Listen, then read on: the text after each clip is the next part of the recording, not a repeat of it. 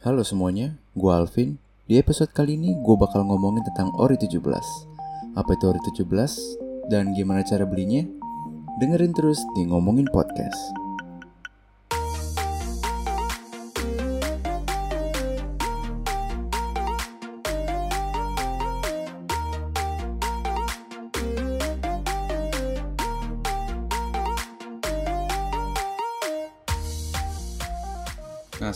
Kita ngomongin ori, sebenarnya tuh SBN tuh ada banyak jenisnya. SBN retail yang paling terkenal tuh ada empat. Ada ori, ada SBR atau saving bond retail, ada ST atau sukuk tabungan, sama yang terakhir ada sukuk retail. Nah ini gue jelasin bedanya uh, dari non syariah dan syariah. Kita bahas dulu yang syariah. Yang syariah itu ada ST, sukuk tabungan, sama sukuk retail. Apa sih bedanya dua itu? Nah kalau yang sukuk tabungan itu bunganya tuh floating jadi bisa naik bisa turun juga dan itu nggak nggak bisa diperdagangkan di pasar sekunder. Jadi kalau misalnya ST tuh biasanya 2 tahun nih periodenya. Kalau misalnya kalian butuh uang itu ST nggak bisa dijual. Jadi kalian harus nunggu sampai jatuh temponya selesai gitu 2 tahun ke depan atau ada juga early redemption namanya. Jadi kalian tuh bisa jual satu tahun setelah kalian punya ST itu tapi nggak nggak nggak semuanya ST itu bisa dijual semua. Jadi misalnya gini kalian beli ST 10 juta uh, early redemption itu early redemption itu nggak bisa dijual 10 10 jutanya gitu. Paling yang bisa dijual cuma setengahnya maksimal setengahnya. Jadi kalau kalian punya 10 juta ya bisa dijual cuma 5 juta gitu. Nah itu sukuk tabungan atau ST kalau sukuk retail itu syariah juga. Tapi bunganya fix. Jadi misalnya di awal udah ditentuin 7% per tahun. Ya udah itu berarti dari awal lu beli sampai nanti udah selesai bakal tetap 7% terus.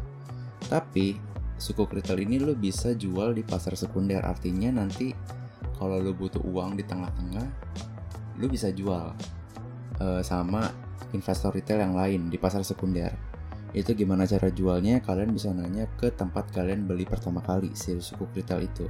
Itu yang syariah. Yang non syariah ada ORI sama SBR ORI itu obligasi negara retail SBR itu saving bond retail. Nah kalau SBR itu itu sebenarnya mirip sama ST, cuma bedanya SBR sama ST itu cuma syariah sama nggak syariahnya aja. Jadi yang SBR itu gue ulangin lagi, yang SBR itu floating bunganya, jadi bisa naik, bisa turun tergantung dari suku bunga si BI. Tapi biasanya kalau SBN gini tuh floatingnya tuh ada batas bawahnya gitu. Biasanya dikasih tahu kalau ada penawaran tentang SBR atau ST. Nah, sama kayak ST, karena dia floating jadi nggak nggak bisa diperdagangkan di pasar sekunder. Jadi harus kalian tunggu sampai uh, selesai gitu periodenya. Biasanya sih dua tahunan. Atau kalian juga bisa early redemption yang tadi gue bilang menjual setengahnya di tahun pertama. Nah yang terakhir ini namanya ori. Sifatnya non syariah bunganya fix dan bisa diperdagangkan di pasar sekunder. Ini yang mau kita omongin di podcast kali ini. Tadi kan kita udah ngomongin ORI itu obligasi negara retail. Terus 17-nya apa dong? Nah 17-nya itu tuh maksudnya itu nomor serinya. Jadi uh, Indonesia tuh udah ngeluarin 17 ori, ini ori yang ke-17. Jadi sebelumnya tuh ada ori 16, ori 15, sampai ori 1 dari awal banget itu ori 1. Nah yang gue tahu ori ini cuman dikeluarkan satu tahun sekali gitu. Kalau misalnya SBR, ST itu setahun bisa beberapa kali bisa dua kali tiga kali bahkan tahun kemarin tahun 2019 itu. Gue lupa deh kalau nggak salah ada satu antara SBR atau ST yang di launching sampai lebih dari empat kali gitu. Jadi banyak banget dibandingkan ori ini yang cuma setahun sekali. Jadi sayang banget kalau kalian nggak beli ori ini karena munculnya cuma setahun sekali tadi. Nah sebenarnya bentuk sama karakteristik obligasi itu kayak gimana sih Nah untuk ori ini kita sistemnya udah online. Jadi bentuknya udah scriptless, nggak pakai kertas, online semua. Uh, dan yang tadi gue bilang ini bisa diperdagangkan di pasar sekunder. Nah yang spesial dari ori ini adalah ori ini nggak bisa dibeli sama investor asing. Jadi cuma dari kita doang, investor domestik. Nah kegunaan si ori ini tuh buat apa sih? Jadi ori ini tuh dijual sama pemerintah untuk mendapatkan dana-dana yang selanjutnya dipakai untuk pembiayaan dalam rangka penanganan dan pemulihan akibat pandemi COVID-19. Di antaranya untuk mendukung penanganan kesehatan, jaring pengaman sosial, dan terhadap dunia usaha khususnya UMKM. Kita tahu sendiri lah, semenjak pandemi ini UMKM bakal susah banget buat nyari pendapatan. Ibaratnya semua udah pada WFH yang kantin gitu ya, restoran itu susah banget buat dapet pelanggan karena pada makan di rumah atau emang peraturan pemerintah tuh nggak bisa eh, nggak uh, ngebolehin orang-orang buat makan di restoran itu jadi berkurang banget lah pendapatannya gitu. Nah ini yang mau dibantu sama pemerintah melewati ORI 17 ini gitu. Nah masa penawarnya tuh kapan sih sebenarnya? Kapan sih kita udah bisa mulai beli ORI 17 ini? Sebenarnya ORI 17 ini udah bisa kalian beli uh, tanggal 15 Juni, which is hari ini. Kalau kalian dengerin episode pertama ini langsung denger gitu ya, begitu launching. Jam 9 pagi sampai uh, eh, 9 Juli 2020 jam 10 pagi. Jadi penawaran ini tuh nggak ada terus, jadi cuma sebulan tuh dari 15 Juni sampai 9 Juli. Kalau udah lewat 9 Juli kalian belum beli, ya udah itu kalian tuh nggak bisa beli lagi di mana-mana. Jadi jangan sampai kelewatan. Ini menurut gua produk yang sangat bagus, resikonya rendah, uh, imbal hasilnya juga bagus, lumayan lah. Apalagi kalau kalian yang belum pernah investasi, ini cocok banget buat kalian cobain gitu. Nah, kemudian tanggal settlement. Settlement itu adalah waktu di mana kalian benar-benar dapat ori 17-nya gitu. Buktinya kalian punya dapat punya ori 17. Itu tuh mulai dari 15 Juli 2020. Jadi misalnya kalian beli uh, hari ini 15 Juni. Udah bayar dan kalian sebenarnya baru dapatnya tanggal 15 Juli 2020.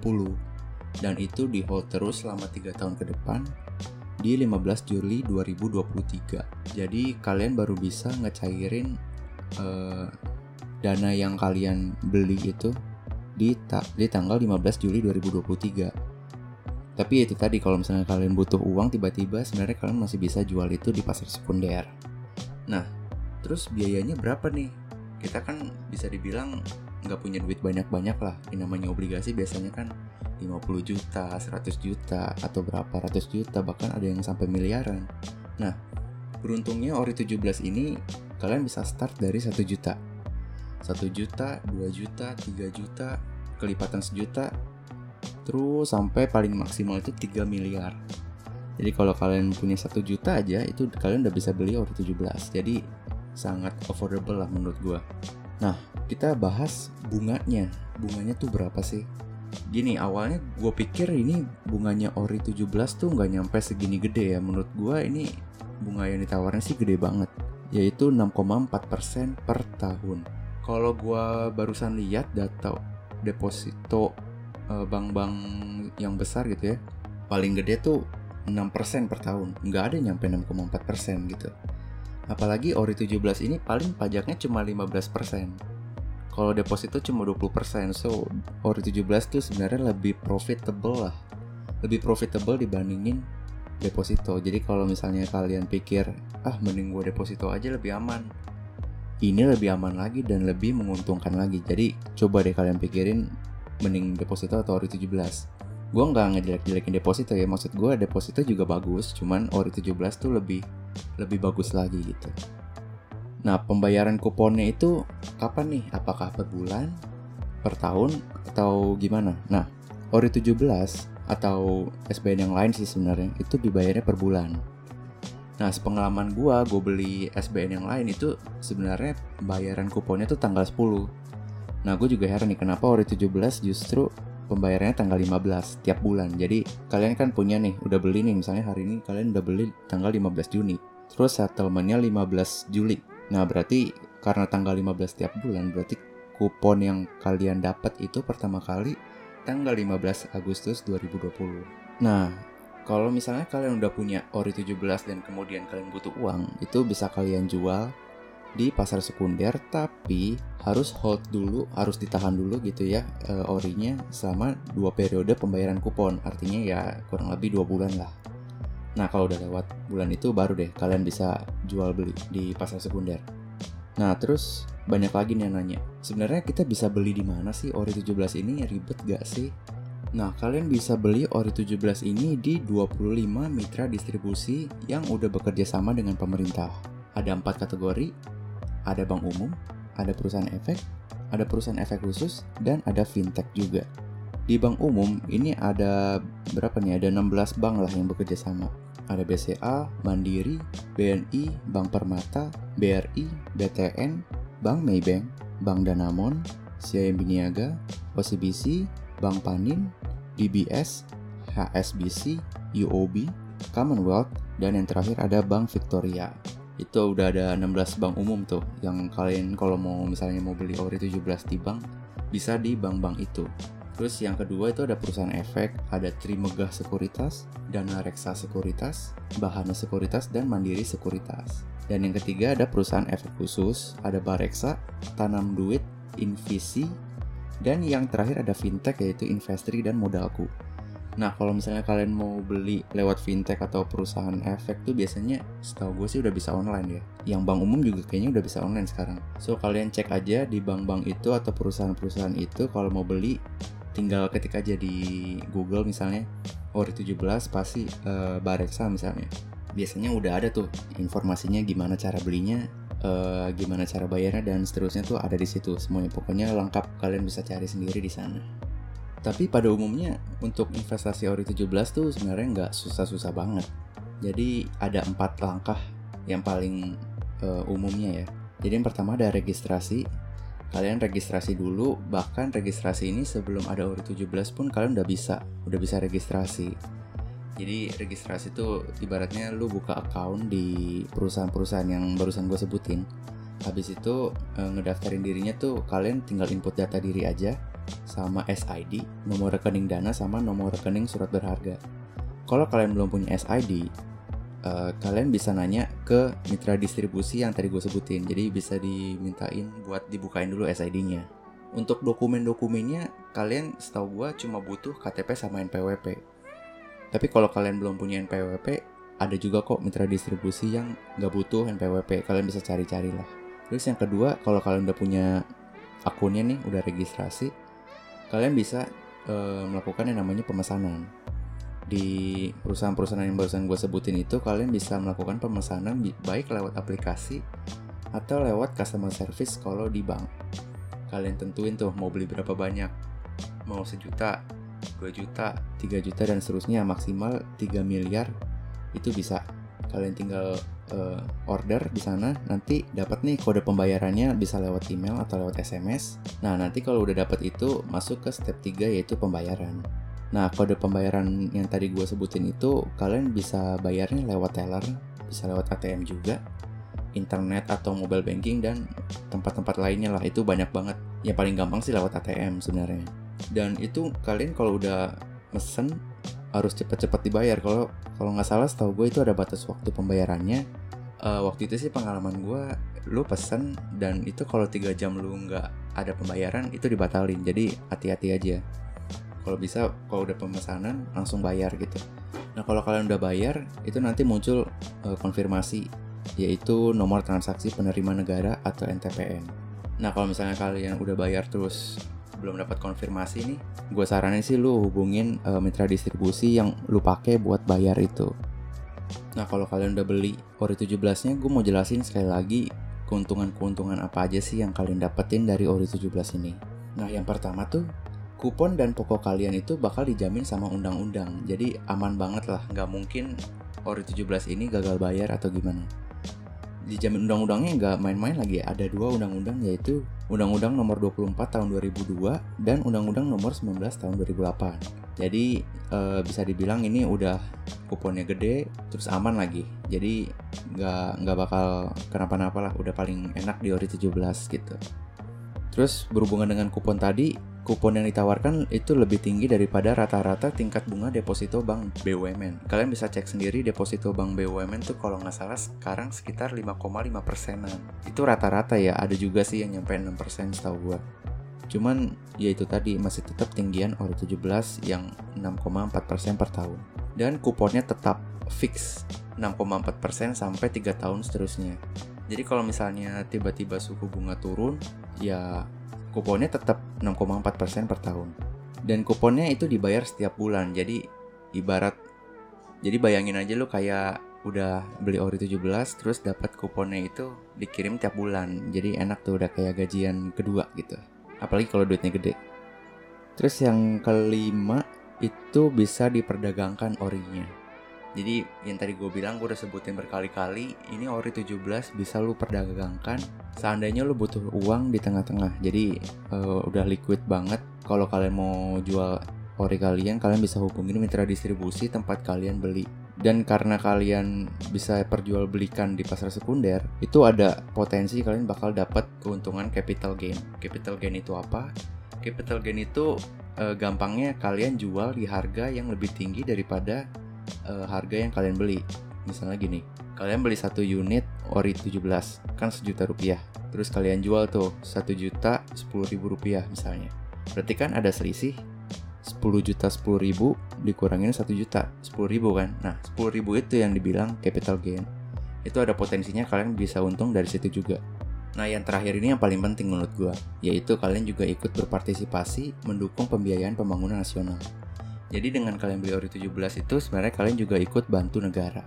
Uh, bakal ada pride-nya lah lu uh, diutangin sama Indonesia gitu. Nah tadi kan gue udah ngomongin kuponnya itu 6,4% per tahun. Gue bakal simulasiin juga uh, kalau kalian belinya segini tuh berapa, dapat kuponnya kalau segitu berapa, ini gue jelasin ya, kalau misalnya kalian beli minimalnya sejuta aja, itu per bulannya kalian dapat bersihnya itu 4.500 rupiah, kurang lebih 4.500 rupiah per bulan. Per tahunnya itu 54.400. Kedengarannya kecil tapi sebenarnya kalau dibandingin deposito juga masih gedean ori 17 gitu. Kalau misalnya kalian uh, punya uang 100 juta rupiah misalnya.